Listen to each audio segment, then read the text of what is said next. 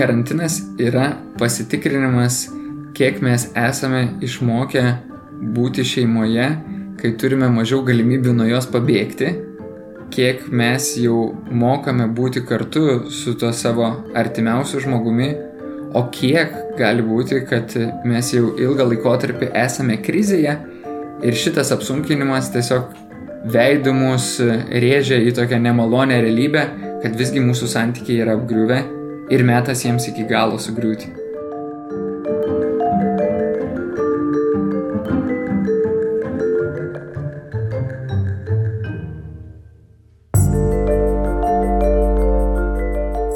Ačiū, kad įsijungėte Nailo podcastą. Jį kuria žurnalistų kolektyvas Nanuk. Šiandien girdėsite naują epizodą iš mūsų psichologinių pokalbių serijos. Mūsų tema - kaip prasidėjusios krizės sąlygomis neprarasti savęs, o galbūt išnaudoti šią situaciją tiek asmeniniam, tiek mūsų kaip visuomenės augimui. Aš esu Karolis Višniauskas, likite kartu. Man atrodo labai svarbu suvokti tai, kad kartais didžiausias geras darbas, kurį aš galiu padaryti, tai yra padėti savo. Nes e, tikrai yra sudėtingų būsenų, kuriuose atsakomybė už kitus nebėra tokia svarbi, nes neužtenka jėgų pasirūpinti savim. Mūsų bičiulis, epizodo pašnekovas Andrius Jančiauskas yra psichologas. Jis konsultuoja privačiai ir veda grupinės konsultacijas, taip pat dirba Vilniaus psichiatrinėje ligoninėje, ribinių būsenų skyriuje. Su juo tradiciškai kalbasi žurnalistė Nanuk bendra autorė Berta Tilmantaitė. Įprastai jie susitinka Andrius kabinete. Šį kartą Pokalbis buvo atskirose erdvėse tarp Vilnius ir Kauno. Ačiū mūsų garsistiai Katai Bitoft, kuri pasirūpino, kad pokalbio garsas būtų kuo natūralesnis. Pat interviu šiek tiek beveik nepastebėtai redagavau vardan trumpumo. Tad kągi, keliamės pas Andrių ir Bertą. Gerą klausimą.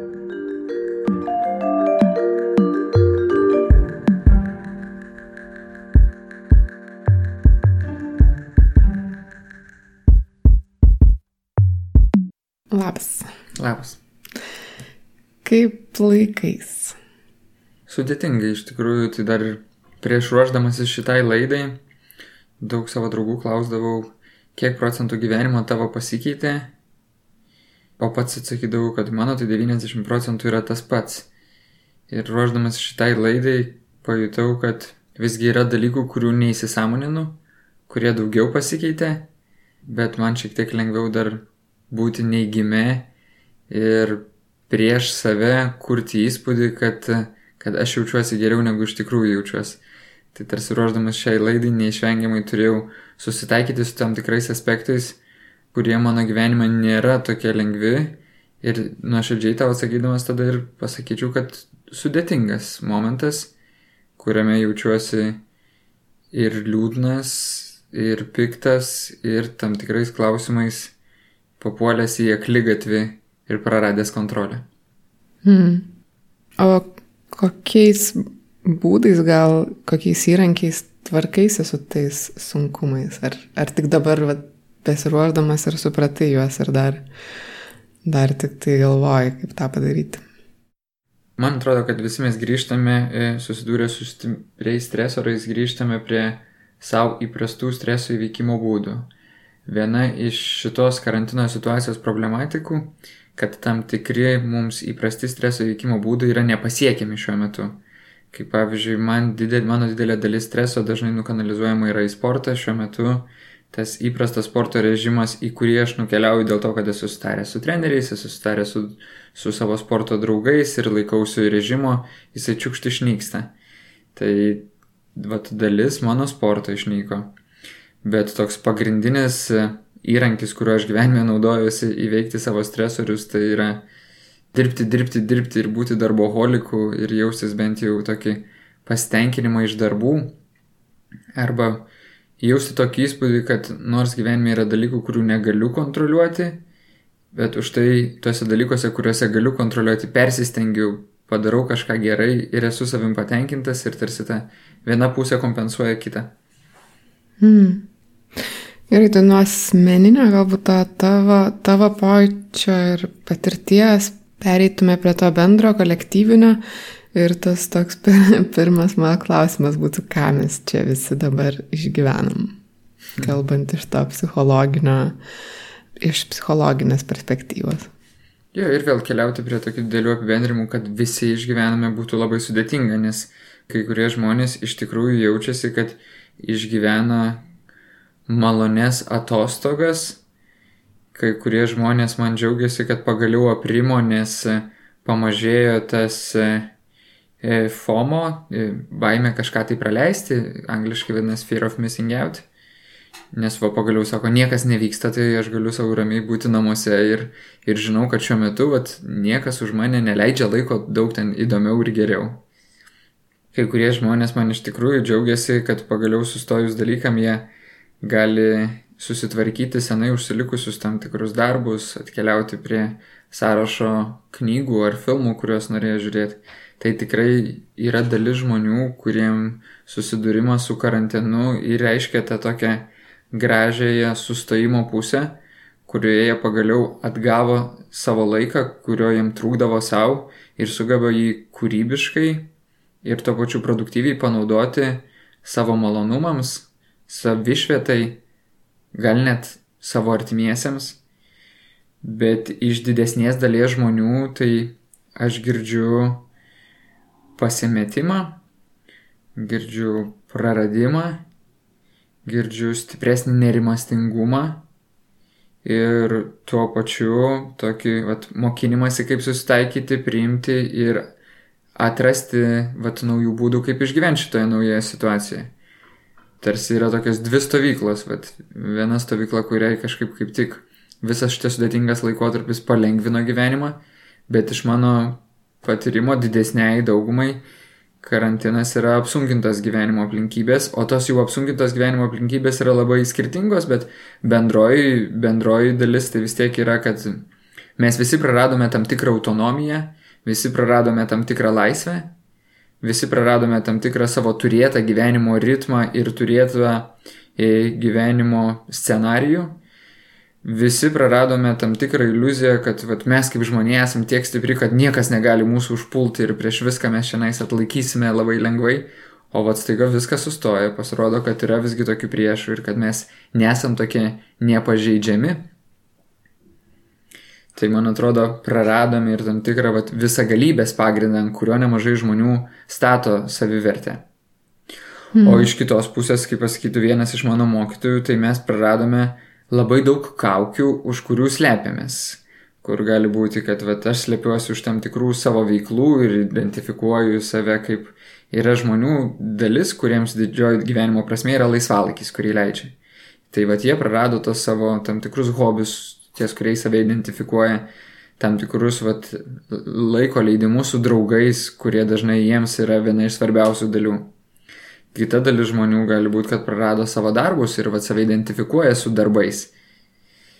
Kita žmonių dalis, nu, save identifikuoja vėl su tam tikromis pareigomis, su tam tikrama užimama gale.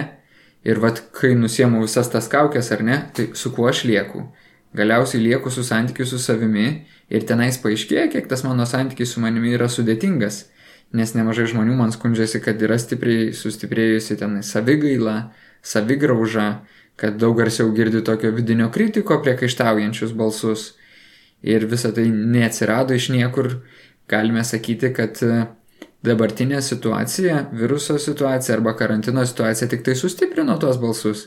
Nėra taip, kad pagimdė juos.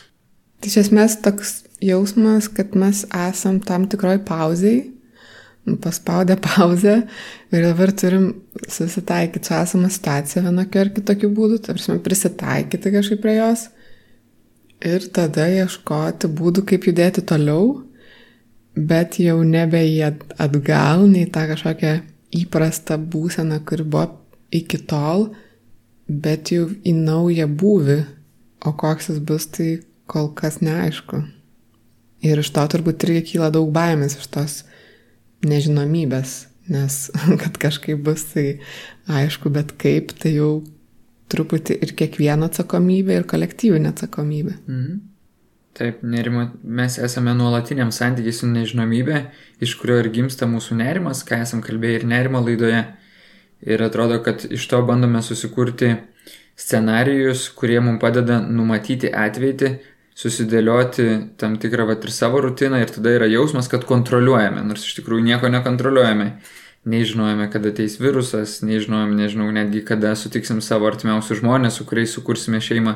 Nemažai dalykų iš tikrųjų yra nepasiekiami niekada mūsų kontroliai, bet vat nutinkus tokiam stipresniam įvykiui paaiškėja, koks iš tikrųjų yra mūsų santykis su neapibrieštumu, kiek tas neapibrieštumas mums sukelia ne tik tai tokio nerimo, kuris pagyvina ir padeda veikti ir padeda organizuotis tam tikrose veiklose, bet kiek sukelia ir tokio nerimo, kuris jau yra per stiprus, stipresnis negu situacija ir vietoj to, kad mes taptume veiklesni, mes tampame iš vis nebepajėgus susikaupti nebepajėgus spręsti tam tikrų situacijų ir jis po truputį net gali peraukti į paniką, kur yra toks jausmas, kad dangus griūva ir aš nieko nebegaliu padaryti. Bet iš tikrųjų, kaip ir kiekvienoje situacijoje, yra daug va tų nekontroliuojamų dalykų, ar ne, kad mes nei vienas nekontroliuojam šiuo metu, kada pasibaigs karantinas, nors tam tikrai nuomonės formuotojai jau ir šiuo metu gali pradėti rašinės straipsnius, kaip nežinau, Nerius Mačiulis rašo apie tai, kad jau galbūt būtų galima po truputėlį švelninti tas e, karantino sąlygas. Ir tas be abejo veikia. Tie patys neaugantis taip stipriai skaičiai koronaviruso e, identifikuotų atvejų irgi veikia taip prognostiškai kažkaip gerai. Bet vat, visa tai yra nuo kiekvieno iš mūsų sunkiai, sunkiai kontroliuojami dalykai. Bet yra daug kitų dalykų, kuriuo aš galiu imtis ir kontroliuoti savo gyvenime. Ir jeigu juos sukontroliuosiu, ar kažkas pasikeis su nekontroliuojamais. Ne, man vis tiek teks mokintis su jais taikytis. Ir čia nais ir paaiškėja, kad kiek vis dėlto mano gyvenime yra įprasta tiesiog tvarkyti dalykus, sudėlioti, suorganizuoti, o kiek aš esu išmokęs ir nuolankumo tiesiog priimti, susitaikyti, paliudėti dėl kai kurių praradimų, pagailėti, pergyventi, išgyventi tą patį vat, gedėjimo procesą, o ne toliau išlikti neįgime ir, ir tam tikram tokiam susireikšminime, kad aš esu nepažeidžiamas ir aš vis tiek viską padarysiu, kad gyvenimas būtų toks, kaip aš noriu. Kaip prasidėjo visa šita situacija, mm, karantinas, viena iš tų pirmųjų minčių man gal ir buvo mm, apie apskritai psichologinę, psichinę sveikatą ir žmonės, kurie, pavyzdžiui, yra ligoniniai, kur tu dirbi ar ne, ribinių lygų skyriui, kad tie žmonės ypač turbūt kažkaip pažeidžiami šitose visose aplinkybėse yra. Ar gali trumpai papasakot, kokia situacija yra ligoniniai ir mhm. nežinau, ar matai kažkokią galimą krizę? Taip, tai mano mokytojas gydytojas Alekseičikas irgi sako, kad nors daug čia šnekama pagrindė apie koronaviruso krizę, bet jis sako, aš manau, da, matau dar informacijos viruso krizę, o paskui atkeliaujančią psichikos veikatos viruso krizę. Nes ir dabartinė situacija ligoniai, kad ligoniai šiuo metu turbūt būtų vat, vidutiniškai taip suapalinant apie 200 žmonių hospitalizuoti, dar kokia 100-150 žmonių dalyvautų dienos stacionaro užimtumo veiklose. O vat, vietoj to mes turim tik tais 50 žmonių ligoniai. Tai reiškia, grubiai šiuo metu pas mus nėra ligoniai, o kažkur arba savarankiškai gydosi, arba nesigydo apie 200 žmonių. Tai kas nutiks, kai baigsis visas karantinas, kad nu, visi tie žmonės ieškos pagalbos? Labai daug šansų, kad šiuo metu jie kenčia, jie yra gan sudėtingoje situacijoje, pagalba jiem yra sunkiai pasiekiama, nes sveikatos apsaugos ministerija nusprendė, kad dienos stacionarai neturėtų veikti, nes kol kas vis dar nėra puikiai reglamentuojamos nuotolinės pagalbos būdo. Tai tarkim mes kaip ribinių būsenų skyrius organizuojam savanoriškų pagrindų tą nuotolinį psichoterapijos skyrių, kuriame ten vedame grupės, konsultuojame savo pacientus, bet šiuo metu sveikatos apsaugos sistemoje mes esame išleisti į prastovas, tai visas darbas yra savarankiškas. Bet mes net ir su savo tais, tomis galimybėmis, kiek mes galim pasirūpinti 14 pacientų, tai yra tikrai nedidelis kiekis o didelė žmonių dalis jie iš tikrųjų lieka be rūpešio. Iš kitos pusės ligoninė yra situacija, kad dabar dėl karantino visi atvykę nauji pacientai, jie pradžioje keliauja į izoliuotą skyrių, kuris iš principo yra pats sudėtingiausias skyrius ligoninėje. Ir tikrai didelė dalis pacientų nenori ten patekti, nes, kaip sako kai kurie žmonės, kad e, pagulėjimas tenais man gali būti labiau žalingas negu tas pabuvimas namuose, nes dalinai jis būna traumuojantis, kai pamatai daug sudėtingesnius pacientus. Aišku, jis gali būti ir gydantis, jeigu tu pamatai juos ir galvoji geras, visgi nėra man tai blogai, kaip įsivaizdavau anksčiau, bet maža dalis žmonių sugeba taip įprasminti situaciją.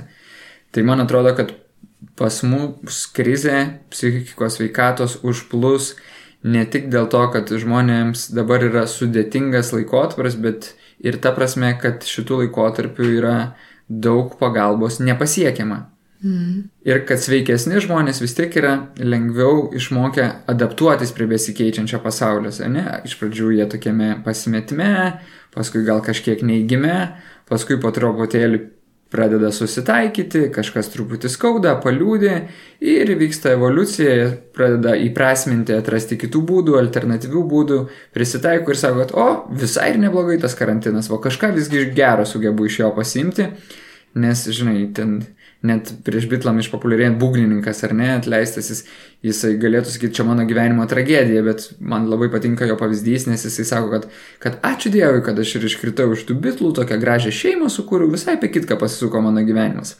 Tai iš principo, jeigu žiūrėtume į sveiką žmogų, tai žmogus, sveikas žmogus yra galiausiai linkęs pozityviai įprasminti dalykus ir atrasti juose tam tikrų pamokų, atrasti juose tam tikrų pergalių.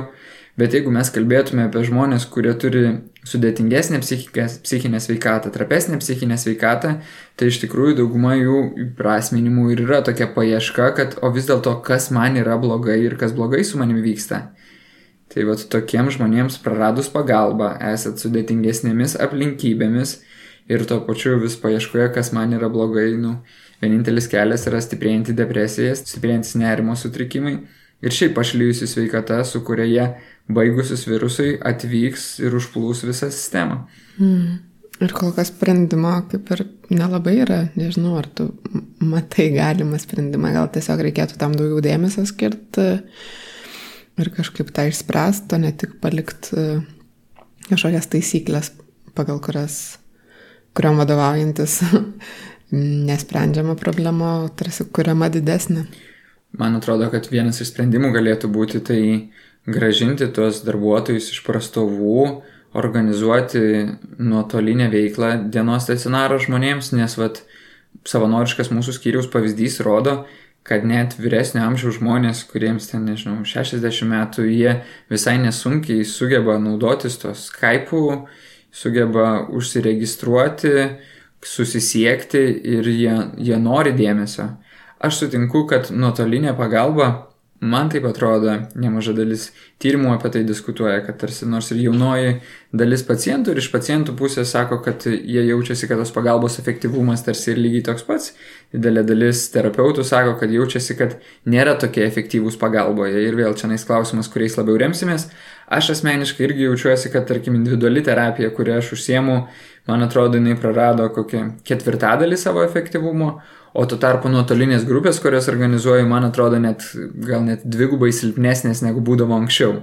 Nes visgi ta atskirtis, būnant nuotoliniu būdu, jinai jaučiasi, nes vis tiek kiekvienas lieka tam tikroje savo saugioje erdvėje, kur yra per atstumą nuo bendrumo. Mm. Nes jisai vis tiek bendrumą patiria tokioje savo izoliuotame burbule. Ir dalinai tai nepaveikia, kad įsilietų tokia bendra energija ir timteltų į sveikimą. Mm, bet 3 ketvirtadalį arba pusę tai vis tiek yra geriau negu nieko. Žymiai geriau negu nieko, taip. Mm. Tai man atrodo, kad e, dalinai mes galim sakyti, kad susidurėm su koronaviruso krize, bet dalinai susidurėme ir su tokia sveikatos apsaugos sistemos krize, kur e, koronaviruso krize parodo, kiek mūsų sveikatos apsaugos sistemoje yra bėdų, neįspręstų užsilikusių bėdų, kiek yra tam tikro vat, neįgalumo, bet e, galime tiesiog ant to pykti, o galime galvoti, kaip organizuoti iniciatyvas ir bandyti kompensuoti visą tą problemą. Nes man atrodo, kad, nu, kol iš tikrųjų e, sveikatos apsaugos sistema, psichikos sveikatos rytyje neveikia, tol vat, galima pasiekti krizės įveikimo centrą, galima skambinti jaunimo liniją, galima skambinti į sidabrinę liniją, šiuo metu ir per LRT visos linijos yra ar ne reklamuojamos. Lygiai taip pat galima, e, vat, žinau, kad ėmėsi tokios iniciatyvos Vilniaus universiteto filosofijos fakulteto psichologijos, klinikinės psichologijos magistrantai. fsf.vu.lt puslapį galima atrasti, kad galima gauti iš jų nemokamas keturias konsultacijas. Tai tokių iniciatyvų, kur kreiptis pagalbos tikrai galima atrasti. Ir man atrodo, kad šitoje situacijoje problema, kad tas žmogus, kuris turi sudėtingesnę psichinę būseną, jisai to pačiu yra ir prastesnėje situacijoje, kad ieškotų pagalbos, nes jam trūksta iniciatyvos. Ir dažnai jisai neturi šalia savęs esančio žmogaus, kuris paimtų ir už jį surastų ką nors. Arba bėda net jeigu ir suranda, tai tada jis nejaučia, kad čia buvo jo sprendimas, jo pasirinkimas ir jisai neima tos pagalbos.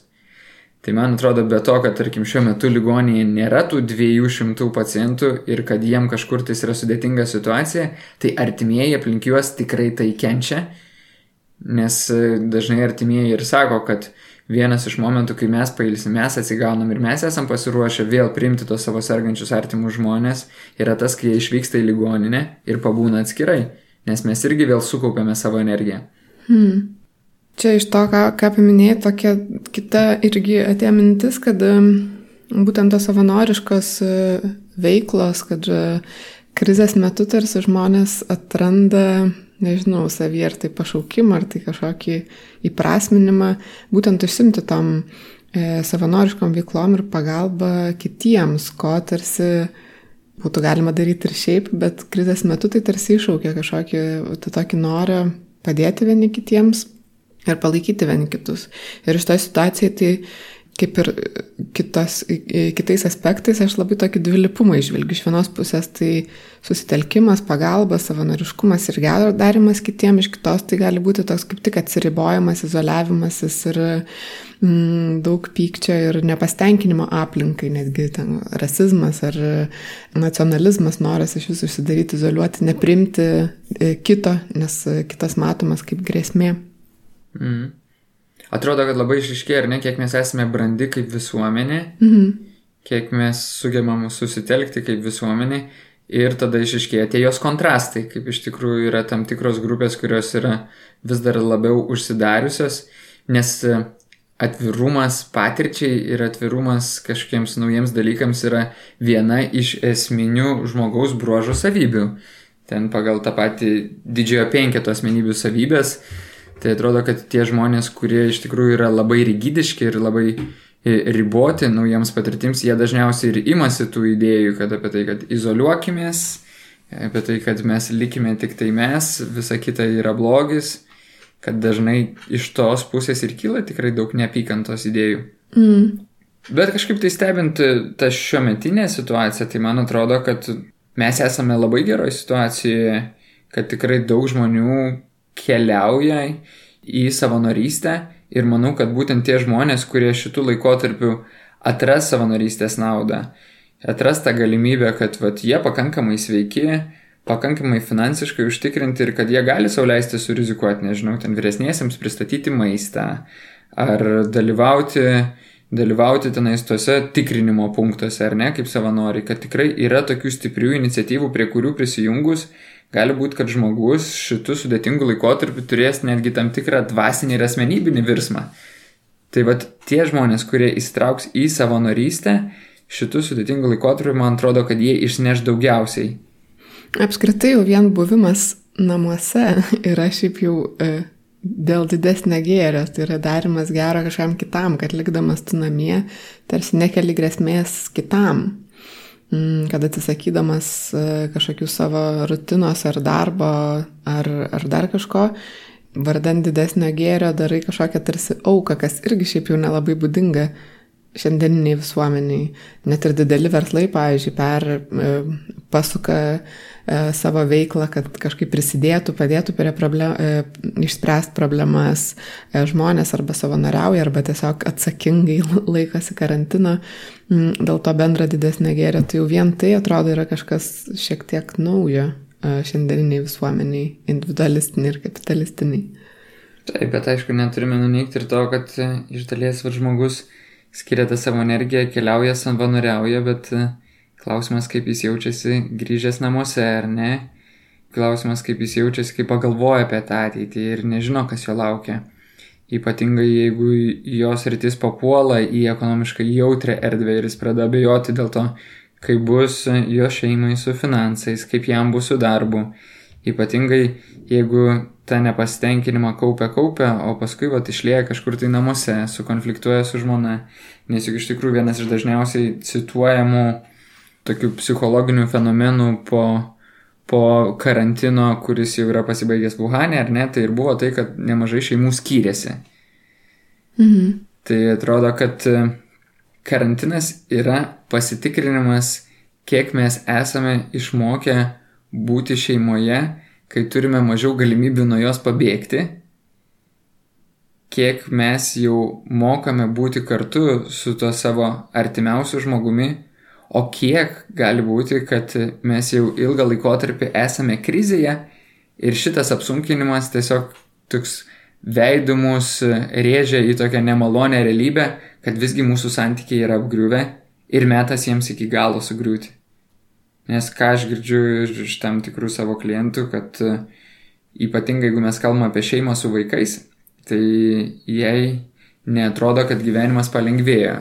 Dėl to, kad reikia užsimti su vaikais, vaikai reikalauja dėmesio, reikia padėti jiems, net jeigu jie ir mokinasi nuotoliniu būdu, reikia užsimti, tarkim, jeigu tai yra pradinukai, jiem neišeina vieniems užsimti. Ir jeigu tai yra du suaugę žmonės, kurie pilnu etatų dirba ir jų veikla nesustoja, bet tuo pačiu jie turi rūpintis vaikais, rūpintis namais, būti mokytais, vat, užsimti, kad ir nuotolinės ten burelių treniruotės vyktų, jie iš tikrųjų gyvena įtampoje, dideliame režime ir tokiam šokinėjime tarp skirtingų vaidmenų ir nuolatiniam derinimėsi, kad va dabar man pokalbis, tai tu pasisteng, man pokalbis, tu pasisteng.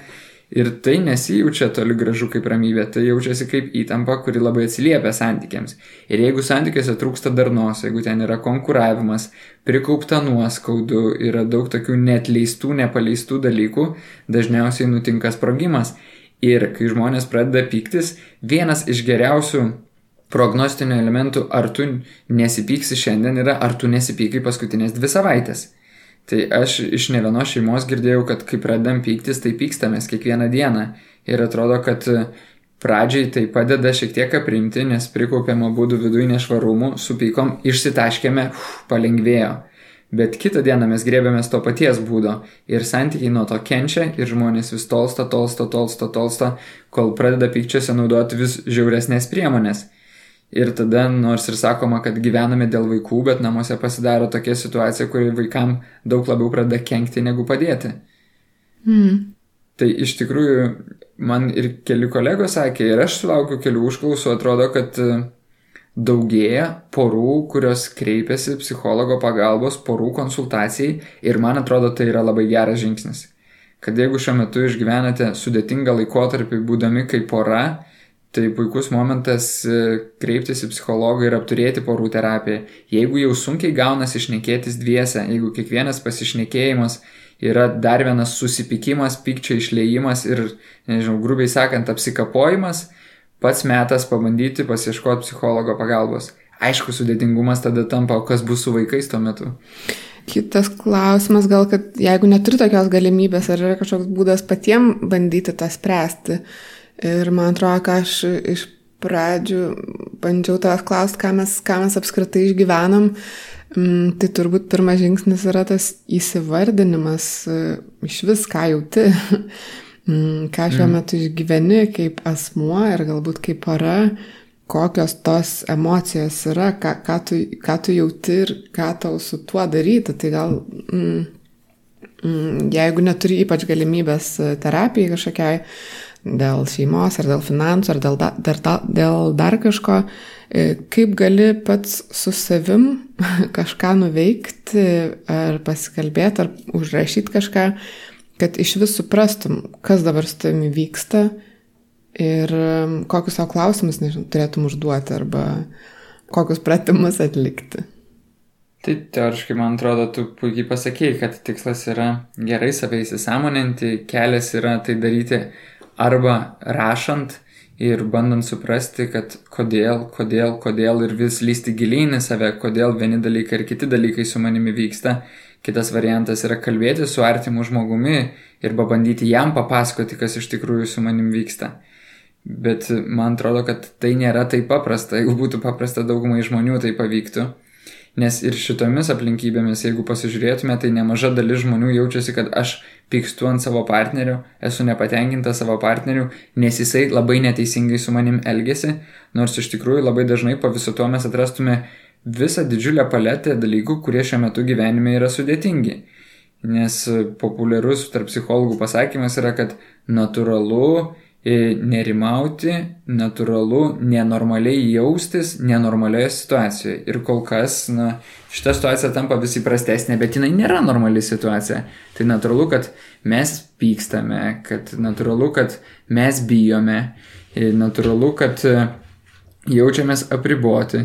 Tai man atrodo, kad net ir klausantis įrašų, kur kiti žmonės dalinasi apie tai, kaip jie įsisamina, kas su jais vyksta ir sugeba savo tą jausmų kamoliuką išdalinti į atskiras dalis, kur vat, dalinai vat, pykstu ant valstybės, kad jinai, ant valstybės tarnautojų tiksliau, kad iš tikrųjų jie vat, komunikuoja prieštaringas žinutės, kad vietoj to, kad pasakytų tiesiai šviesiai, kad šiuo metu valstybėje situacija yra sudėtinga, kad mes nesame užsakę ten tam tikrų priemonių, su kuriomis galėtume daug geriau valdyti situaciją, Ir už tai prašome jūsų, kad vat, jūs suprastumėte, kad ilgiau teks pabūti namuose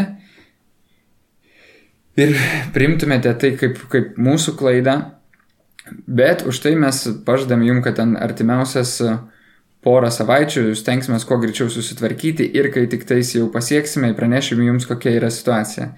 Tai čia nais būtų pavyzdys, kad žvelgdami į savo pyktį gilin, mes visą laiką turime šansų pamatyti, o kas yra po to pykčiu. Ir po to pykčiu mes atrasime, kad tai yra arba baimės, kad kažko tai bijome.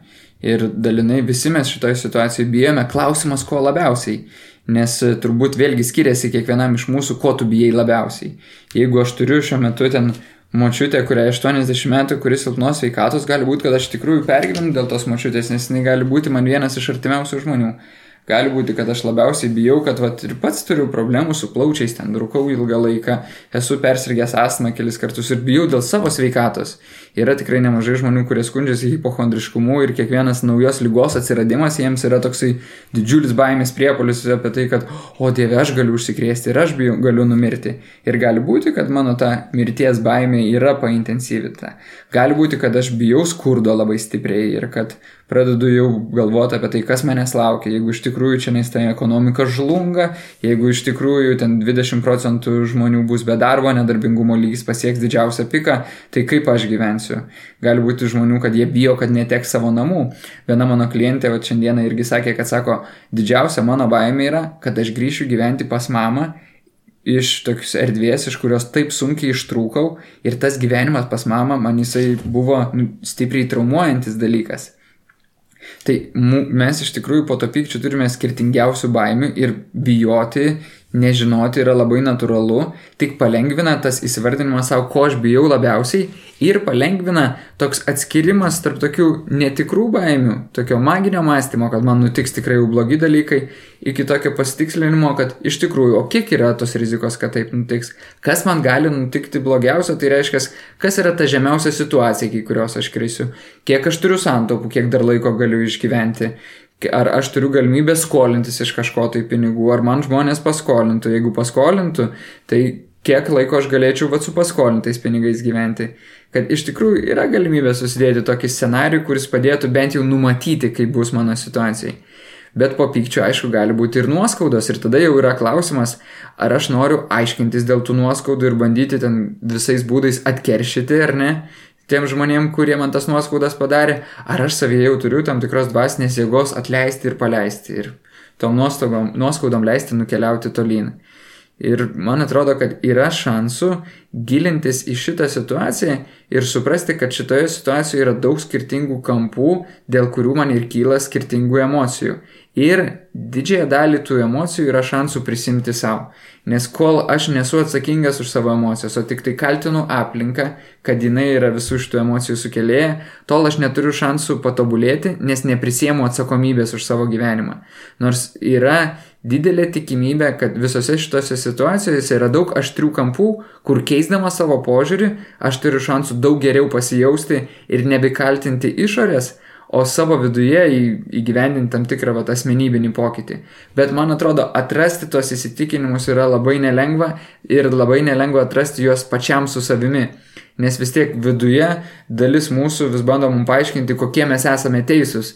Ir aš lygiai taip pat su savo partneriu jaučiu, kad va, vienas iš mano gerų gynybinių mechanizmų, kad vietoj to aš būčiau žmogumis e, konflikte, aš su savo žmona stojusiu į pono protinguolio psichologo tokią rolę ir bandau jai paaiškinti, kas čia vyksta.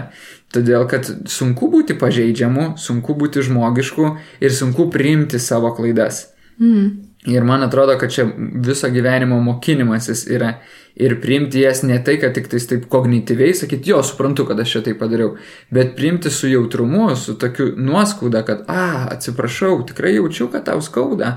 Žinai, man irgi skauda, kad aš tave užgavau, aš tikrai nenorėjau tavęs užgauti, bet nepyk, kol kas dar nemoku elgtis geriau, bet galim kartu bandyti kažkaip tais padėti, kad ir aš su tavim gražiau elgčiausi, ir tu su manimi gražiau elgtumėsi.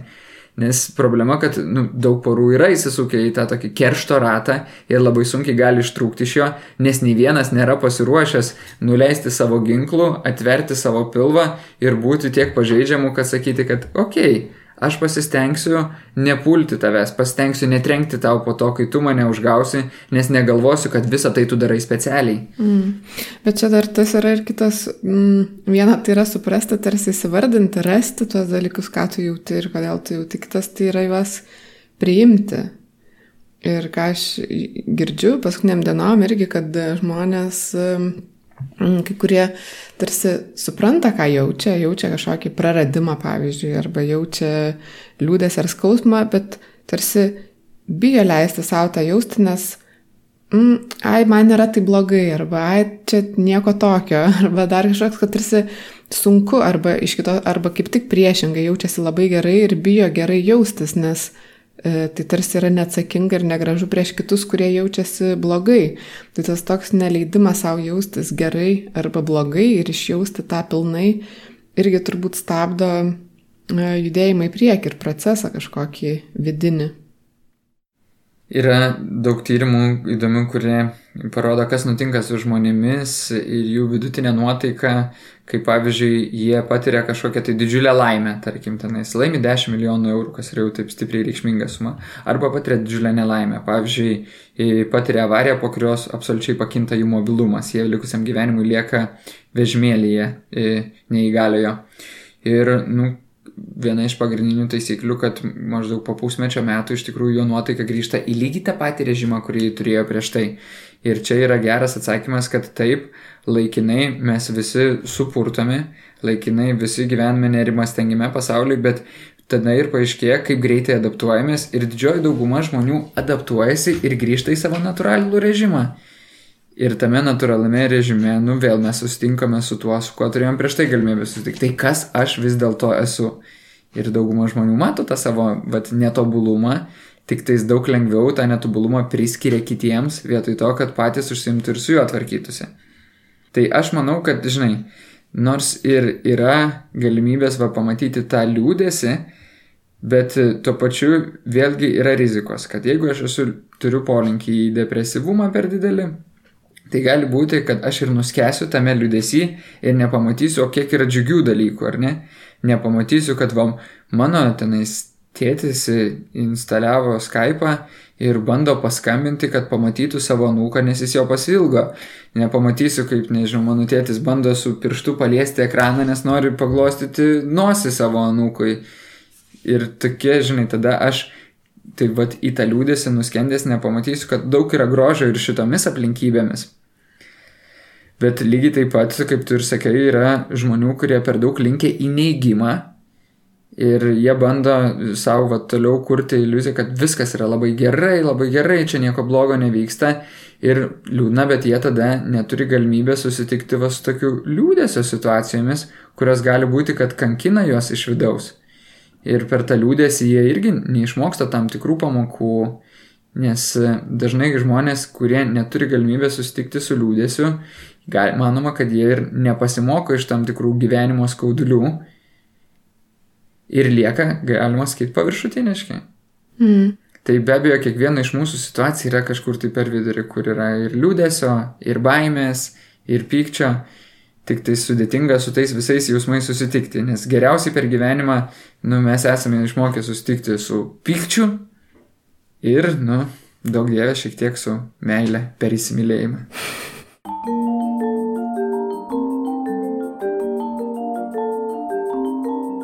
Nailo podcastas yra gyvas tiek, kiek jį palaiko klausytojai. Mes didžiuojamės savo Patreon bendruomenę, kurioje šiuo metu jau yra virš 450 žmonių. Kviečiame jūs prie jos prisijungti. Adresas yra patreon.com/nanukmultimedia.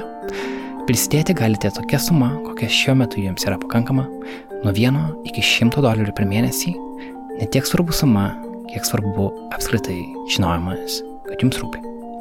Šią savaitę prisijungė Dalė Šedvidytė, Arūnas Tonys, Olegas Šuraivas, Laura Blašytė, Gina Dautartas, Agne Venslovė, Justina Aleksaitė, Lina Gedrė Adiklytė, Lina Michelkevičia, Mykolas Katkus, Kestutis Vanagas, Viktorija Baikuskaitė, Mindaugas ir Martina Brašiūnaitė. O savo skiriamas sumas padidino Vita Monkuvienė ir Jonas Šemaitaitis. Ačiū Jums. Patreon patreon.com/nunuk multimedia. O dabar grįžtam pas Andrių ir Bertą.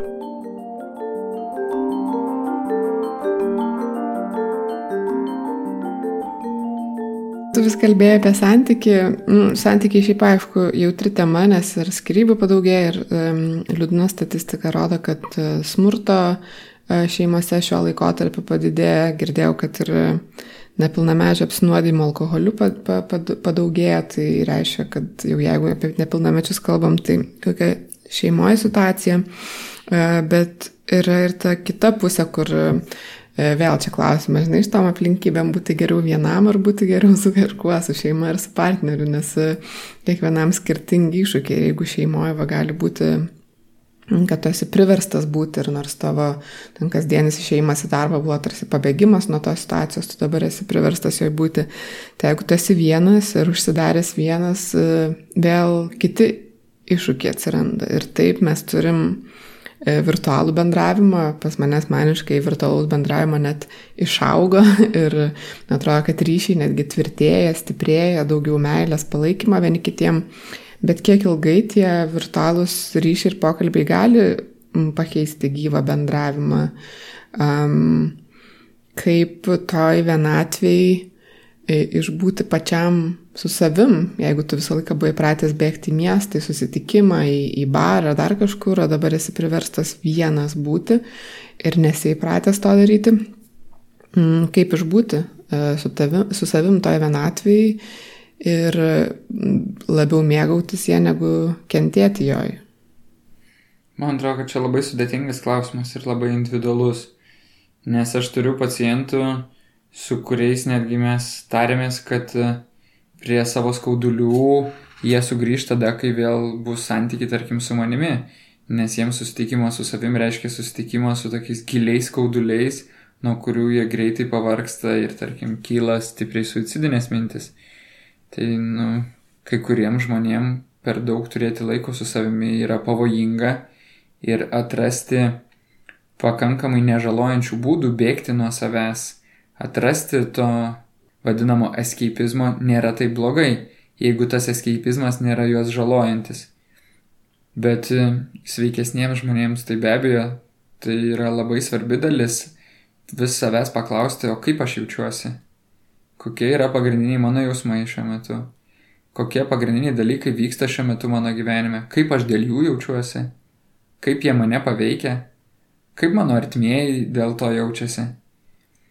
Nes kaip ir kalbėjome prieš tai, kad iš tikrųjų pamažėjus didžiuliam kiekiui veiklų, kai kurie vieniši žmonės, kurie labiau gyvena po vieną ir neturi tiek daug vat, apkrovos, kad aplinkui yra ten, tarkim, vyras, su kuria reikia derintis ir dar du vaikai, kuriais reikia užsimti, tai jie tikrai turi galimybę vat, labiau susitikti su savimi ir tam savo viduje ir tada galima pamatyti, ar ne, kad kokią aš jau turiu sukūrę santykių su savim. Ar jau esu užauginęs tą balsą, kuris vat labiau mane palaiko, labiau pasidžiaugia. Net grubiai sakant, jeigu aš pasižiūriu į veidrodį, ar aš jau sugebu pamatyti tame gražaus kažką tai jeigu įrašau savo balsą į į vat, kažkokį diktofoną, ar iš jų sugebu išgirsti kažką gražaus savo balse, ar aš jau išmokau gerėtis ir grožėti savo buvimu, ar aš jau galiu atsisėsti ir ant popieriaus pradėti reflektuoti, kas gero ir gražaus vyksta mano gyvenime.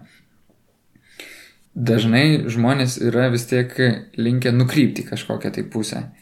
Tai man atrodo svarbu ir pastebėti, kad jeigu aš esu labiau linkęs negatyvius dalykus matyti savo gyvenime, tai kaip užduoti tavo papildomą klausimą ir pasakyti, o gerai, o kas, kas gražaus manyje vyksta. Bet šiaip tai žinai, tas kelias su savimi, santykis su savimi yra ilgalaikis kūrybinis procesas, tai niekada nėra rezultatas, jis nuolatos yra kintantis. Tik tuo pačiu, man atrodo, sakau, norisi palinkėti, vat, ir kad kiekvienas tas vienišas žmogus paklaustų savęs, kad o kaip aš galiu pakelti tą savo nuotaiką. Nes be abejo, vienišumas yra viena iš didžiulių ir skaudžių epidemijų. Yra manoma, kad vienišam žmogui tai kiekviena diena pagal pakenkimą va, gali būti prilyginamas 15 surūkytų cigarečių. Tai nėra toksai pat mirtinas dalykas, nuo kurio tą dieną mirsi, bet jisai vis tiek lietai, lietai po truputėlį kaip vat lėtinė lyga paveikia. Tai man atrodo, kad vat, svarbu tam žmogui pastebėti, kad nu, vat, ta mano būsena, jinai gali būti liūdnesnė, prislėgtesnė ir tai nėra taip natūralu. Natūralu būtų paklausti savęs, o ką aš galiu padaryti, kad aš nebūčiau tiek prislėgtas. Ar yra kažkokių fainų mažų dalykų, po kuriuo aš geriau pasijusiu. Kad liktų ta, kaip mėgsta psichologai sakyti, meilė savo, kuri reikštų savo poreikių pažinimą ir atradimą ir leidimą savo tos poreikius tenkinti. Ir tai gali būti labai maži dalykai, kaip nežinau, kavos podelio pasidarimas, žvakės užsidegimas, smilkalų pasmilkimas, nuėjimas pagulėti į šiltą vonę, lėtas ten savęs, lėtas savęs ten tepimas muilu, nes vienišiems žmonėms pradeda labai trūkti tokio fizinio artumo ir fizinio prisilietimo. Tai kad vat leisti savo lietai, vat save muiluoti, glostyti, Jo, tai aš nežinau, galėtume keltis ar ne į moters gyvenimą ir galvoti apie manikiūro, pedikiūro pasidarimą, kaukės, išmasažavimą savo tam tikrų pėdų, delnų išmasažavimą, kad daug yra erdvės, kaip galima parodyti savo tą meilę, ypatingai kažkaip tais šitų laikotarpių, jeigu žmogus vienišas yra ir turi papildomo laiko. Kad tą laiką panaudoti ne skaityti papildomai žinioms ir toliau kažkaip save apkrėsti va, viruso informaciją, o paskirti tą laiką savo, kad sukurti savo kažką gražaus. Tik nemažai žmonių, kai klauso savęs to klausimo, ko aš norėčiau, atsakymas yra nežinau. nu čia va, meilė savo tai iš vis atskira tema ir kas tuo. Ir nėra padaryti. lengva išbūti, nes, kad nežinau ir tada kyla pyktis tai kaip aš nežinau, ko aš noriu ir tada kažkaip pabėgam nuo to klausimo. O kaip neužsikabinti už to pykčio, neužsikabinti už to vidinio kritiko ir sakyti, ne, ne, ne, aš kritiką pažįstu, atidedu į šoną, palaukti, iš tikrųjų, ko aš norėčiau, ką aš šiandien galėčiau gražaus dėl savęs padaryti. Ir po truputį po truputį iškenčiant tą abejojimą, pasimetimą ir ieškant, bandant daryti dalykus, pradeda toks atsirinkimas. Bet žinai, kar, kartais yra ir irgi girdžiu tą tokį, kad, hm, bet tai kokia prasme, čia kvaila man dabar, nežinau, šokti e, namuose, kai iš tikrųjų pasaulyje yra krizinė situacija. Ir vėl tas dvilipumas ir toks persiplėšimas viduje, kiek rūpinti savim, ar aš čia, nu tikrai situacija bloga, bet jeigu manęs tiesiogiai kažkaip neliečia ir aš niekam nekenkiu, galbūt nebūtina yra verkti ir kamuotis, o gali kažkaip e, ieškoti kitų būdų būti. Iš kitos pusės tas beprasmybės ar prasmės klausimas atsiranda, kiek aš turiu teisę, moralinę teisę gerai leisti laiką ir savim rūpintis, kai iš tikrųjų nu, aplinkui viskas griūva ir kitiem galbūt nėra viskas taip gerai ir gal tada vėl geriau skirti laiką kitiem, pagalbai kitai, o ne savo.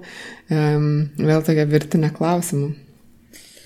Aš irgi manau, kad viena iš gerų savipagalbos formų yra pagalba ne savo kitiems ir kad daugumai žmonių jinai yra pasiekiama. Ir iš tikrųjų, jeigu viduje yra impulsas, kad aš tikrai nerimauju dėl to, kas vyksta aplinkui, tai tą impulsą paversti į realią veiklą, kad ne tik ten tyliai nerimauju namie, pergyvenu ir rašau piktus komentarus į tai, kaip valdžia prastai tvarkosi su dalykais, paversti į kažkokią savanorystę, kur tikrai kažką darau, gali būti labai gera išeitis dienos eigoje. Bet jeigu aš savęs klausiu, kad nerimauju, ar noriu iš to nerimo padaryti, kad e, iš tikrųjų kažką veikčiau ir atsakymas yra, kad ne, nenoriu, bijau rizikuoti, labiau noriu pasilikti namuose ir laikytis nuo šaliai. Tada dažnai va ir yra klausimas, tai gerai, o tai kiek iš tikrųjų tas mano nerimavimas ir pergyvenimas tada kūrė vertės. Ar tikrai vat, pasauliu yra naudinga, kad tu sėdi namie, pergyveni, nerimauji ir kenti dėl viso pasaulio, kai pasauliu blogai? Na ne, iš principo tai yra ta pati savikankinimas ir savižala, į kurią žmogus dažnai vat įkrenta.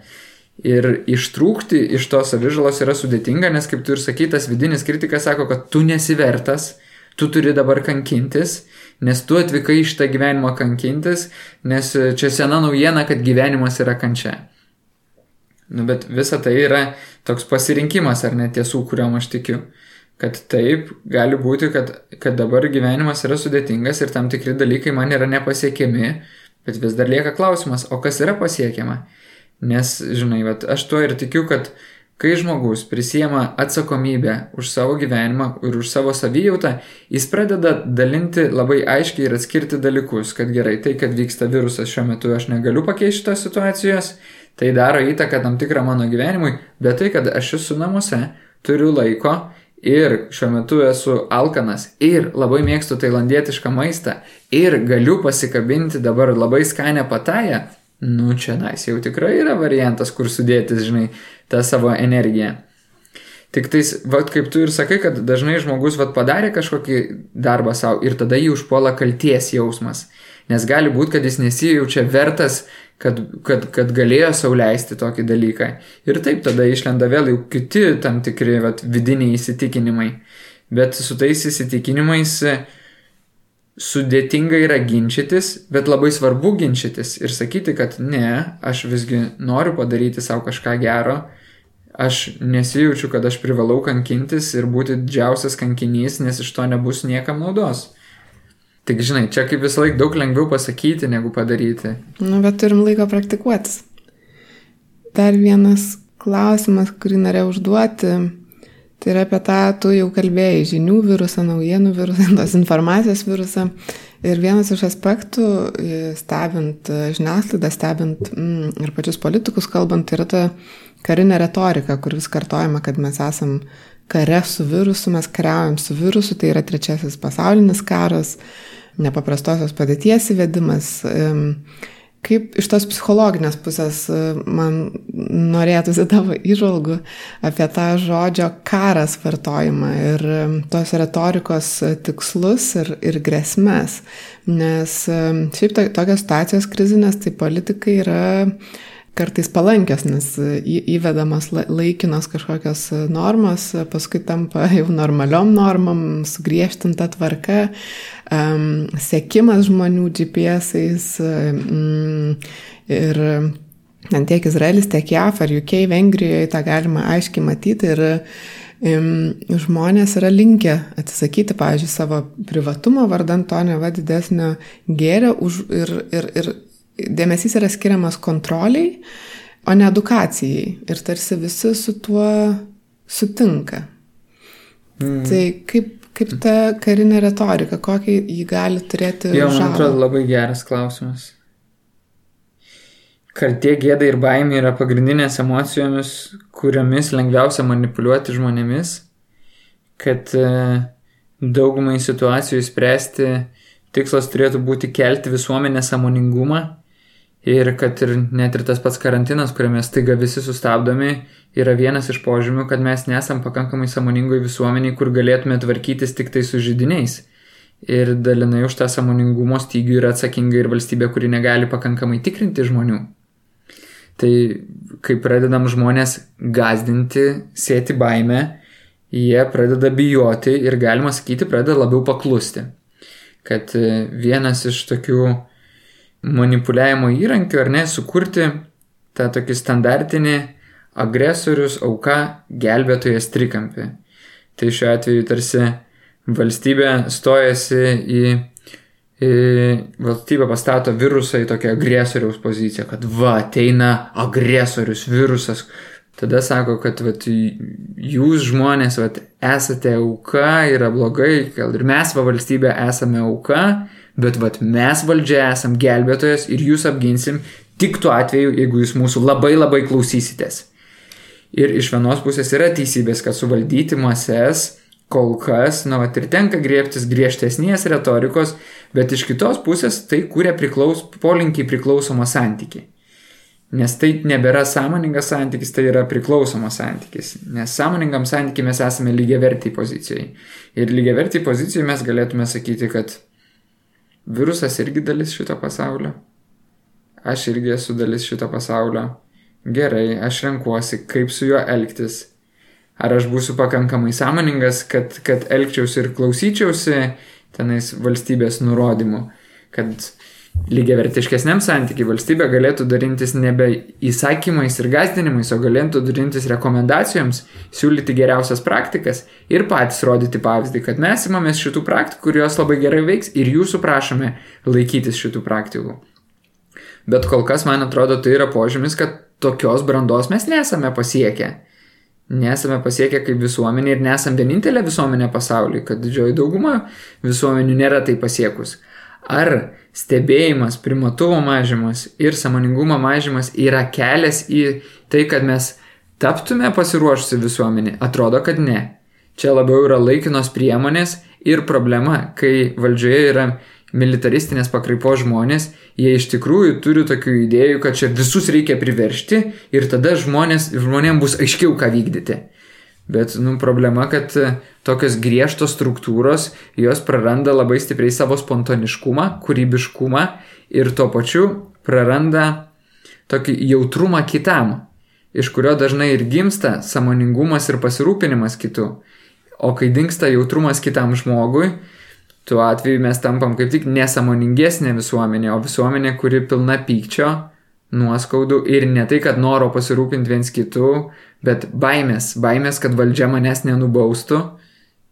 Ir tada prasideda, nežinau, kaip garsusis, ne, Sovietų sąjungos šnipų problema, kur visi aplinkui yra šnipai. Mhm. Ir čia iš to, ką pasakėjai apie tą tokį, nu, suvokimą, kad aš esu dalis visko, vietoj to, kad tai yra tiesiog grėsmė, agresorius ir pasiskirstimas vaidmenim, tai tas ateina irgi į galvą toks nu, maro ir bausmės archetipas, kur tai bibliniai motyvai, pasakų motyvai, kad visuomeniai, kaimui ar kažkokiai žmonių daliai siunčiama kažkokia bausmė, nu, tarsi, pavyzdžiui, maras, kurį turi išgyventi ir iš jo kažką pasimokyti. Ir tas archetipas tarsi kartojasi per visą žmonijos istoriją, bet vis dar sakai, kad mes nesam sąmoningi jo kažkaip atsakingai ir sąmoningai išgyventi. Nežinau, bausmė čia yra tik vienas iš būdų įprasminti, ne, kad ar tikrai čia nai bausmė, ar tikrai aš jaučiuosi kaltas ir padariau kažką blogo, kad dabar turėčiau būti nubaustas. Ne, kažkaip, žinai, nesijaučiu taip. Tai man tai netrodo kaip bausmė. Aišku, yra žmonių, kurie sakytų, kad tai yra pasiekmė, ar ne, už tai, kad mes kažkaip nepakankamai atsakingai elgiamės. Vienas iš būdų įprasminti tai, kad vat, ir manoma, kad ir daugiausia mirčių yra tose regionuose, kurie turi didžiausią užterštumą, ar ne, tai kad vat, tai galima sakyti, kad tose regionuose vat, per daug buvo įkvojami ištekliai, per daug nuodijama gamta ir vat, gamta mums keršyje. Nu, taip, kalbam Bet, apie tą gamtos atsigavimą, tarsi būdą atsigauti nuo žmonių. Taip, tos nuotraukos, ar ne, kaip pasikeitė Wuhanas, e, e, nuotraukos iš kosmoso, kaip pasikeitė, mm. užterš, pasikeitė užterštumas Wuhanė prieš karantiną ir po iš tikrųjų rodo, kad, kad toje vietoje pasaulis atsigavo. Bet e, man tai labai patinka ta gajos idėja, kad pasaulis yra visuma, kad žmonija nėra atskirta nuo gamtos, kad mes visi esame bendroji darnioje sistemoje ir kad tas pats virusas yra tokios darnios sistemos dalis. Ir kad kiek tobulėja žmogus mokin, mokindamasis apsisaugoti nuo tam tikrų virusų, tiek pat evoliucionuoja ir virusai, užimdami svarbę vietą mūsų organizme. Kad žmogus, jisai nėra atskiras organizmas, žmogus yra organizmų visuma ir kiekviename iš mūsų yra nemažai jau gyvenančių virusų. Mm. Ir tas pats, žinai, nu, ta pati mirtis ir entropija, jinai irgi yra svarbi dalis šito pasaulio, kuri padeda tam pačiam žmogui irgi vis tobulėti ir, ir ieškoti paskatų. Nes tarsi jeigu žmogus yra per didelėme patogume, pas jį motivacija irgi mažėja. Nes nors prieš tai, žinai, kalbėjom apie tai, kad vat, valdžia gali siaurinti mūsų kūrybiškumą, gazdindama su baime, bet iš kitos pusės baimė ir lieka vienu iš tokių svarbiausių motivatorių, kuris labai gali padėti mums tobulėti gyvenime.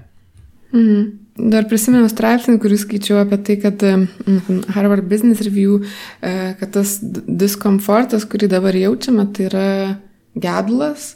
Ir e, gedulas turi tarsi savo, penkis savo etapus, kur nebūtinai pailiui eina, kad e, tai yra tas neigimas, pyktis, apie kurį kalbėjai, dėrybos, liūdėsys ir na, susitaikymas, po to dar gali atsirasti tas šeštasis etapas, tarsi prasmės um, ieškojimas. Mhm. Įprasmenimas, ne? Mm, mm. Tai aš asmeniškai tarsi jaučiu iš tikrųjų, kad einu per tuos, per tuos etapus, ten išeini iš vieno, grįžti į kitą, per dieną tie etapai gali tarpusavį kelis kartus pasikeisti mm. aplinkoje irgi. Ir su kiekvienu klausimu jie gali būti ar ne skirtingi, gali būti su vienais dalykais jau esu etape įprasminimo, su kitais gal vis dar neįgymo etape esu. Taip, tai čia tas toks irgi atrodo e, svarbi proceso dalis apskritai suprasti, kad tai yra tarsi gedulo kažkokia būsena ir nuo to atsispyru žiūrėti, mhm, o kas bus toliau, tas įprasminimo ir prasmės ieškojimo momentas. Nes aišku, kad taip kaip buvo, nebebus ir kad reikės ieškoti naujo, naujo santykio tiek su savim, tiek galbūt su savo aplinka, tiek apskritai su visuomenė. Nes gali... O kas kaip buvo nebebus? Ką tu turi menyti, sakydama? Nu, kad keičiasi tiesiog visa nusistovėjusi gyvenimo visuomeniai norma. Kad gali keistis ir santykiai, kad dabar išryškės ar ne. Mm, kažkokia šeimos situacija ar draugų situacija, darbo santykiai, apskritai darbas, gali būti, kad negalėsi grįžti tai, kas esi ir tavo identitetas keisis, nes nusimesi tas kaukės ir galbūt prisimsi kažkokias naujas santvarka, pasitikėjimas, aplinka, apskritai, nežinau, gali, žinai, kažkokie ryšiai sustiprėti, bet atsirasti ir vengimo baime vienų, vienų kitiem ir atitolimas ir mm, daug kažkokių aspektų, kur iš tikrųjų dar neaišku, kaip bus, nes net neaišku, kaip yra viskas tokio nu, besikeičiančioj būsenoj. Tai kaip tame nežinojime galbūt išlaviruoti, e, žiūrint į priekį, ar bandyti kažkaip, nežinau, ruoštis ir e, numatyti, ar visgi geriau pasilikti toj šiandieno ir tvarkyti su tuo, kas yra šiandien. Aš galvoju, kad visai šitai sudėtingai kriziai mes galima sakyti ruošiamės nuo praeitos krizės. Tai, žinai, nuo 2008 va ruošiamės 2020 kriziai ir esame kaip valstybė ir kaip visuomenė pakankamai, geram, pakankamai gerame kelyje, kur gyvename, tiksliau, iki šiol kol kas gyvename gerovės ekonomikoje. Tai reiškia, kad tikrai mažai šansų, kad kažkas pas mus pradės mirti iš bado. Tai reiškia, kad iš tikrųjų gyvename žinių ekonomikoje, kur, kur vis lengviau yra pasiekti labai svarbės žinias. Gyvename pasauliu, kuris tikrai yra labiau linkęs geriau sužinoti skaudžią tiesą, bet tiesiai, dėl ko yra ir šiuo metu atpykstama ant dabartinės valdžios komunikacijos, kad geriau tam tikrus dalykus būtų sakę tiesiai ir būtų neslėpę, nemelavę, negu pateikinėję tokią patogią savo tiesą ir muilinį akis, kad viskas yra gerai nes tas šio laikinis žmogus pakankamai sąmoningas, kad išgirstų ir pas prie realybės irgi prisitaikytų. Tai man atrodo, kad mes esame gerame kelyje ir kad šita dobelė to gero kelio nepakeis, tik tai gali būti, kad nutiks tam tikri adaptaciniai prisitaikymai. Man atrodo, kiekvienas jaučiam savo gyvenime, kad per krizinius laikotarpius atkrenta dalykai ir tam tikri dalykai atkrenta ir gali rodyti, kad arba aš nebuvau pakankamai tinkamas ir stiprus, kad būčiau jiem reikalingas, nes tarkim vienas mano, vienas mano klientas atleido gamybos įmonėje 30 procentų savo darbuotojų. Ar jis atleido geriausius darbuotojus? Ne. Jis tiesiai šviesiai sako, atleidau tuos, kurie turėjo problemų su alkoholiu, su kuriais turėjau problemų santykiais, kurie jau ilgą laiką tenais man grasino, kad čia išvažiuosiu į užsienį, ar tenais, kad e, nieko tu nesupranti, čia nais, tu pats nedirbi gamykloje, nieko nežinai. Tai sako, aš atleidau tuos, kurie man iš tikrųjų buvo patys sudėtingiausi. Tai žinai, jeigu tu vat, patenki tos 30 procentų atkritai, irgi klausimas, ką čia apie tave sako. Nes gali būti, kad, nu, vat, kad jeigu tu iš tikrųjų esi labai reikalingas darbuotojas, ne, tai tu be problemų gali išeiti va mėnesiui tėvystės tenais vaiką prižiūrėti. Vienas mano draugas išėjo pusiai metų vaiko priežiūros atostogų ir įmonė laukia jau pusę metų. Tai, nu, vat, lygiai taip pat parodo, kad ir tą patį yra daug stiprių įmonių, kurios krizinį laikotarpį gali atgyventi ir daug stiprių žmonių, kurie tame krizinėme laikotarpį atranda būdų, kaip įprasminti ir paskui atsigauna ir juda toliau. Tai per krizę nuo kiekvieno iš mūsų gali atbirėti nereikalingi, nereikalingos veiklos, nereikalingi žmonės, nereikalingi darbai. Ir per krizę labai aiškiai irgi pasirodo, kiek mes esame reikalingi, kiek iš tikrųjų į mus kreipiasi žmonių, kiek nori su mumis pasikalbėti, kiek mums siūlo darbų ir sako, kad žiūrėk, va čia yra darbas, gal gali mums padėti. Ir per krizę, aišku, labai aiškiai paaiškėja ir su tais pačiais mūsų įpročiais, kurie mūsų įpročiai yra tinkami ir padeda mums geriau jaustis, o kurie ne. Tai man atrodo, kad sakau, krizinis laikotarpis kaip ir visą laiką yra vienas iš galimybių laikotarpių. Ar jisai kažkaip ženkliai pakeis, kad pasaulis bus kitoks negu buvo prieš tai, tai man atrodo, kad čia vienas iš tokių, viena iš Aš tai matau kaip vieną iš žurnalistikos problematikų, kad žurnalistikoje dažnai girdisi didžiausia krizė ten pasaulyje arba ten e, didžiausios skirybos, kokių dar nebuvo. Ir vis kažkaip tais tas noras dramatizuoti, kad sukelti emocinę reakciją, nesukėlus emocinę reakciją, daugiau šansų pasiekti tam tikrą įsitraukimą. Žiūrovų įsitraukimą, klientų įsitraukimą. Tai jisai kaip ir iš dalies suprantamas, bet iš dalies man atrodo pavojingas. Nes man atrodo, kad esmė, kuri sudaroma 80 procentų šito gyvenimo, nu, va, jinai nepasikeis. Pasikeis tik tam tikros detalės ir tai, man atrodo, kad nemaža dalis detalių pasikeis į gerą. Gali būti, kad iš tikrųjų mes išmoksime nemažai dalykų daryti nuotoliniu būdu. Gali būti, kad suprasime, kad iš tikrųjų nebūtina tenais, vat, e, nuolatos kažkur tais važiuoti, keliauti, kad galima daug dalykų daryti iš savo namų Gali būti, kad daug šeimų išmoks iš tikrųjų, kaip galima efektyviai tvarkyti savo sistemą, kurios prieš tai nesuvokė ir kiek dar yra vietos kažkaip įtraukti vienus ar kitus. Gali būti, kad nemažai šeimų atras, ką gali žaisti kartu.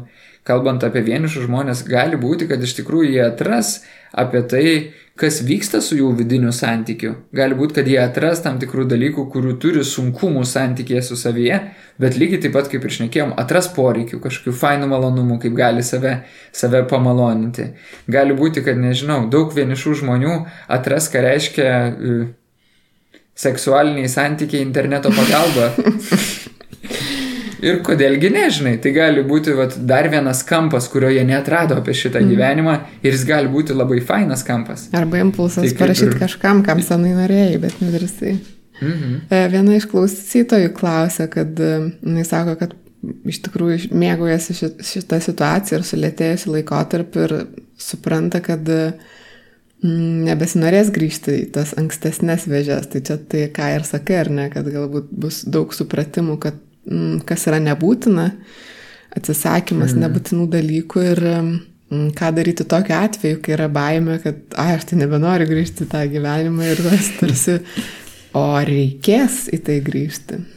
Ką reiškia reikės? Tai susikruk tokį gyvenimą, kuriame nereikėtų, žinai, tap tiek gerų specialistų ir taip organizuoki savo veiklą, kad per keturias valandas per dieną užsidirbtum, žinai, dirbdama 20 valandų savaitę užsidirbtum savo pakankamai pasižiūrėk, kiek daug išlaidų iš tikrųjų galima pasimažinti ir gal jos nėra būtinos ir gyvenk tą tokį gyvenimą, kaip tau norisi, lėtesnį, mažiau įsitraukusi tai, kad dirbi kitiems, o daugiau skirdama laiko savo.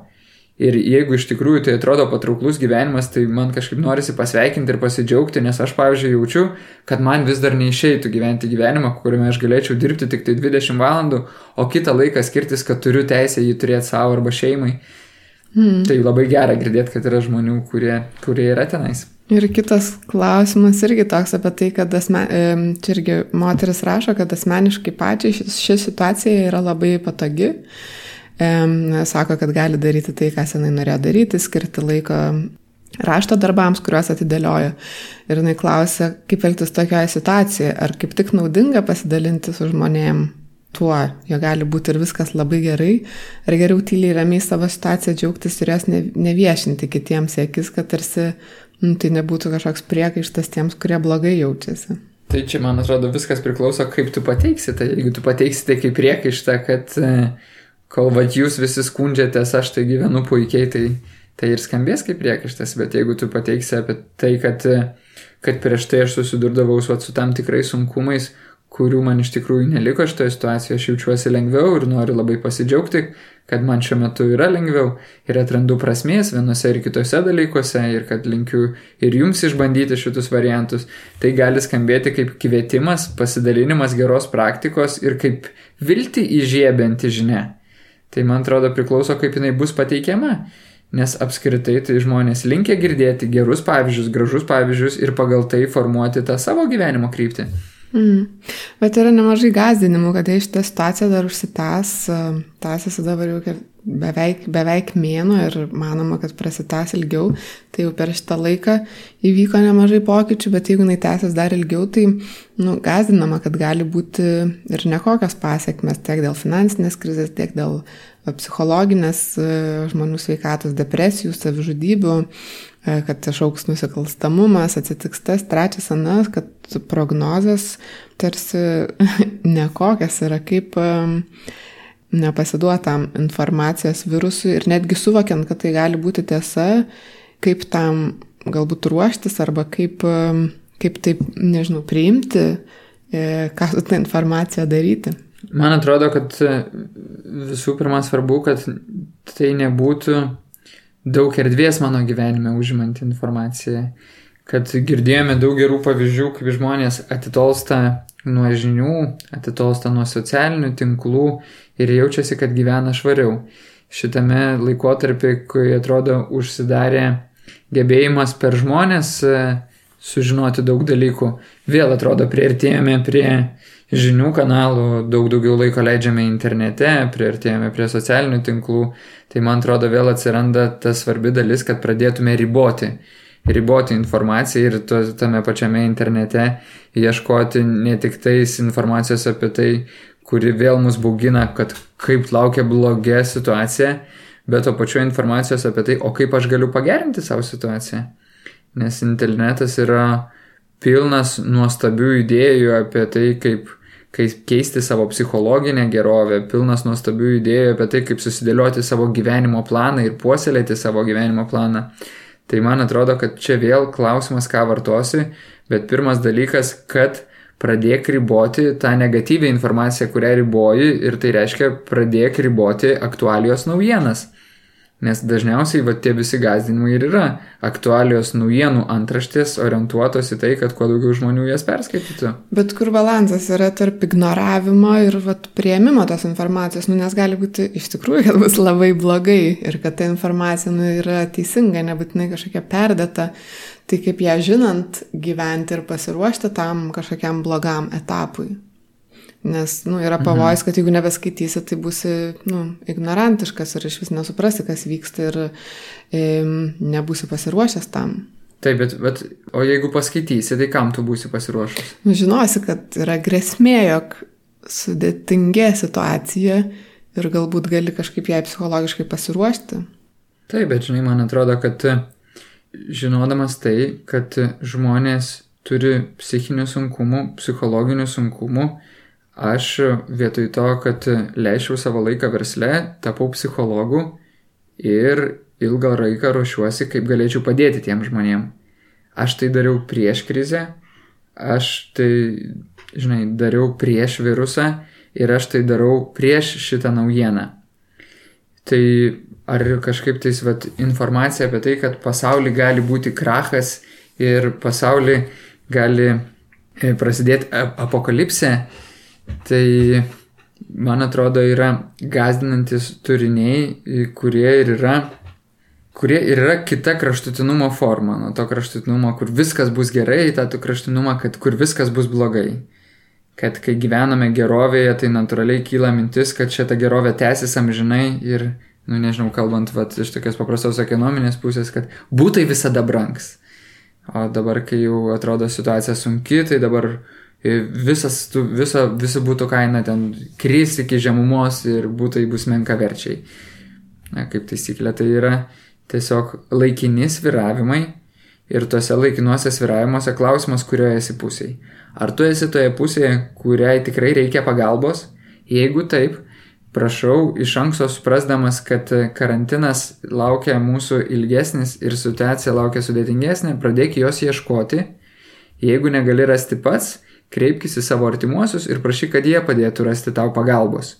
Ir susidaryk pagalbos planą, susidaryk tą planą, kuris bus tokia aiškus algoritmas padedantis tau išsigelbėti, kai tavo asmeninė situacija blogės. Jeigu tu esi kitoje pusėje, jauti, kad turi pakankamai erdvės pasirūpinti savim ir dar nori kitais rūpintis, Taip, aš sutinku, kad jeigu suvoki, kad situacija šalyje prastėja, puikus momentas galvoti apie tai, kokios savanorystės aš galėčiau imtis ir kam galėčiau padėti. Tarkim, turiu klientą, kuris jau ilgą laiką labai svajojo, kaip būti jaunimo linijos dalimi.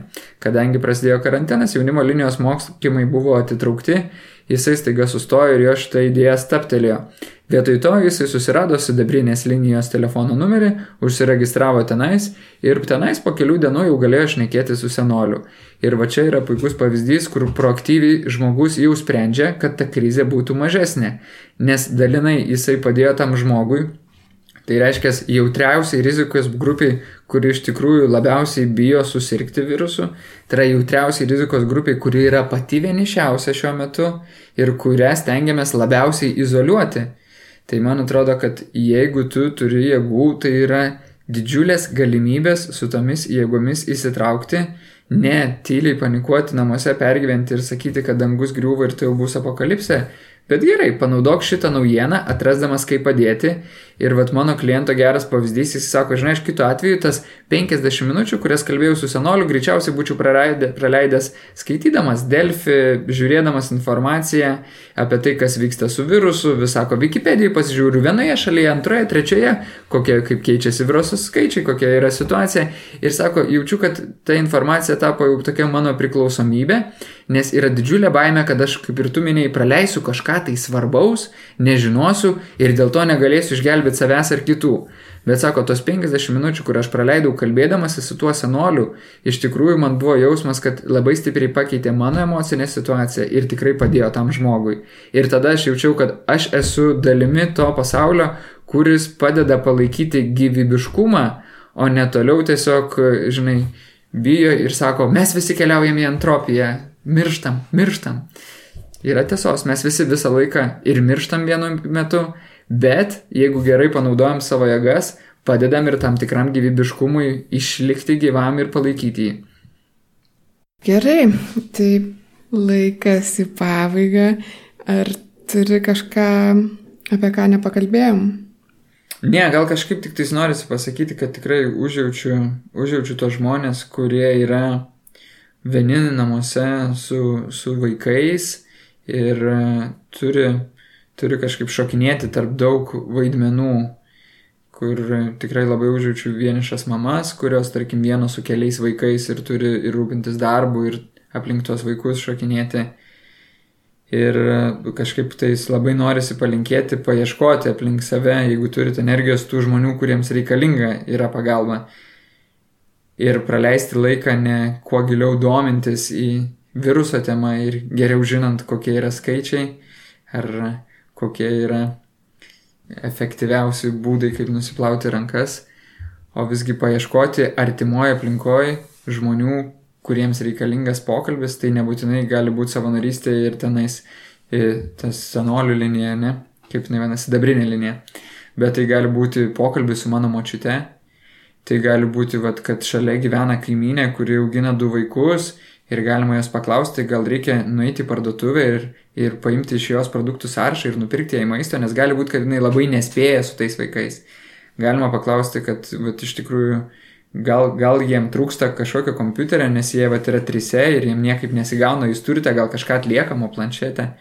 Tai aš tikiu, kad šiuo metu yra geras laikotarpis dalintis, dalintis ne tik, tais, ne tik fiziniais dalykais, bet labiausiai savo laiku, savo dėmesiu, savo pagalba fiziškai esantiems artimiems kaimynams ir to pačiu giminaičiams, o jeigu nuo jų e, kažkaip tais nutolus, tai tada būtent per visas savanoriavimo platformas, tai pačiai švietimo ministerijai, ar ne, galima skirti kompiuterius, kurie bus panaudoti vaikams, kurie nuotolinių mokslų užsiema. Tai aš tikiu, kad e, šita krizė padės mums kaip valstybei, e, tokių valstybinių lygių labiau susitelkti ir pajusti, kad kaip prieš 30 metų mes buvome susivienyje tam, kad taptume laisvi, taip ir dabar mes turime daug viduje savyje jėgos susivienyti, kad, kad įveiktume šitą sudėtingą etapą, nes mūsų stiprybė iš tikrųjų slypi tame, kad mes esame artima tauta, kuri vis dar turi galimybę ir pažinoti savo kaimynus ir nenutolti nuo savo giminių. O individualių lygmenių, tai aš tikiu, kad kiekvienas iš mūsų iš šito laikotarpio turi galimybę iškeliauti kaip, kaip kažkuria prasme herojus, jeigu atlieka tą mažą gerą darbą ir padeda kitam. Ir kartais didžiausia pagalba kitam tai yra tai, kad jeigu aš esu prastoje emocinėje būsinoje, kad aš iš anksto pradedu padėti savo ir pradedu ieškoti pagalbos savo. Man atrodo labai svarbu suvokti tai, kad kartais didžiausias geras darbas, kurį aš galiu padaryti, tai yra padėti savo. Nes e, tikrai yra sudėtingų būsenų, kuriuose atsakomybė už kitus nebėra tokia svarbi, nes neužtenka jėgų pasirūpinti savim. Tai labai linkiu žmonėm, kurie šiuo metu yra sudėtingoje būsenoje ir jaučia, kad būsena gali tik tai sunkėti, kuo greičiau pradėti ieškoti pagalbos, nes yra daug pasiekiamos pagalbos. Nu, ir ta pagalba nebūtinai gal ir profesionali turi būti, bet vien nebijoti išnekėti, nesakyti, kad bijau apkrauti kažką, nes tai nėra apkrovimas, tai yra pasidalinimas, nuo kurio visiems bus geriau ir lengviau. Tai tas labai svarbu turbūt nebijoti kalbėti vieniems su kitu. Aš pastebiu iš tikrųjų, kad tų pokalbių yra daugiau, jie yra atviresni ir kad visa tai kažkaip greičiausiai tik į gerą, nes jaučiasi daugiau meilės, supratimo, prieimimo artimam rate žmonių, draugų ir šeimos.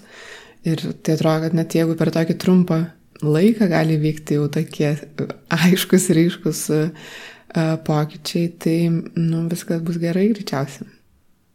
Jo, o kažkaip tokiu asmeniniu požiūriu tai norisi palinkėti nereikalauti šitų sudėtingų laikotarpių iš savęs per daug. Kad svarbu suprasti, kad laikotarpis yra sudėtingesnis ir už tai aš turiu teisę į didesnės nuolaidas savo.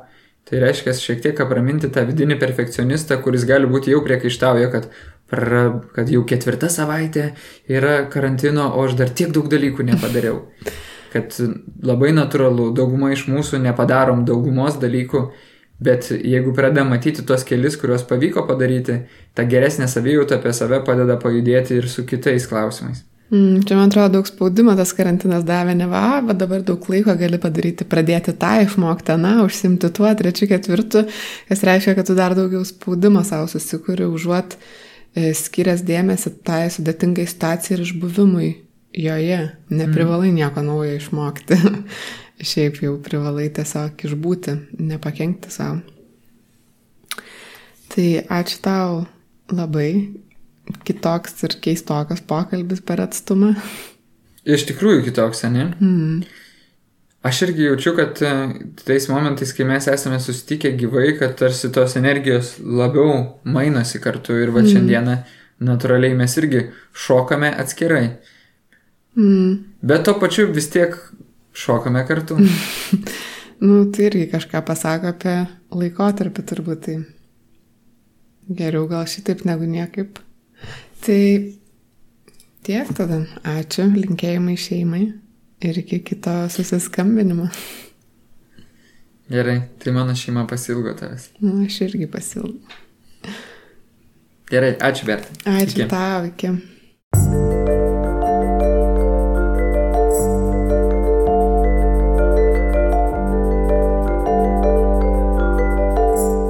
Toks mūsų epizodas šiandien. Su psichologu Andriu Jančiausku kalbėjosi Nanuk bendra autorė, žurnalistė Berta Tilmantaitė. Ačiū, kad buvote kartu. Ir dar kartą dėkui Katai Bidoft iš nacionalinės Martino Mašvido bibliotekos už pagalbą su garsu. Taip pat ačiū mūsų podkasto muzikos kompozitoriui Martynui Gailiui, kurio originalią muziką mes naudojame podcast'ą. patreon.com slash nanukmultimedia toks yra adresas prisidėti prie mūsų darbo. Blossomwood Foundation yra mūsų 100 dolerių per mėnesį patronai. Ačiū jiems ir ačiū kiekvienam iš jūsų patreon.com slash nanukmultimedia. Tokiu adresu galite prisijungti. Stiprybės jums šiuo socialinės distancijos metu. Panašu, kad jis toliau tęsis. Ir jeigu jaučiate, kad norite su kažkuo pasikalbėti, skambinkite jaunimo liniją į pagalbos moteriams liniją ar sidabrinę liniją. Jūsų psichologinė sveikata yra tiek pat svarbi, kiek fizinė ar finansinė. Neapleiskite jos. Mano vardas yra Karolis Višniauskas. Naila podcastą kuria žurnalistų kolektyvas Nanuk. Sustikim po savaitės.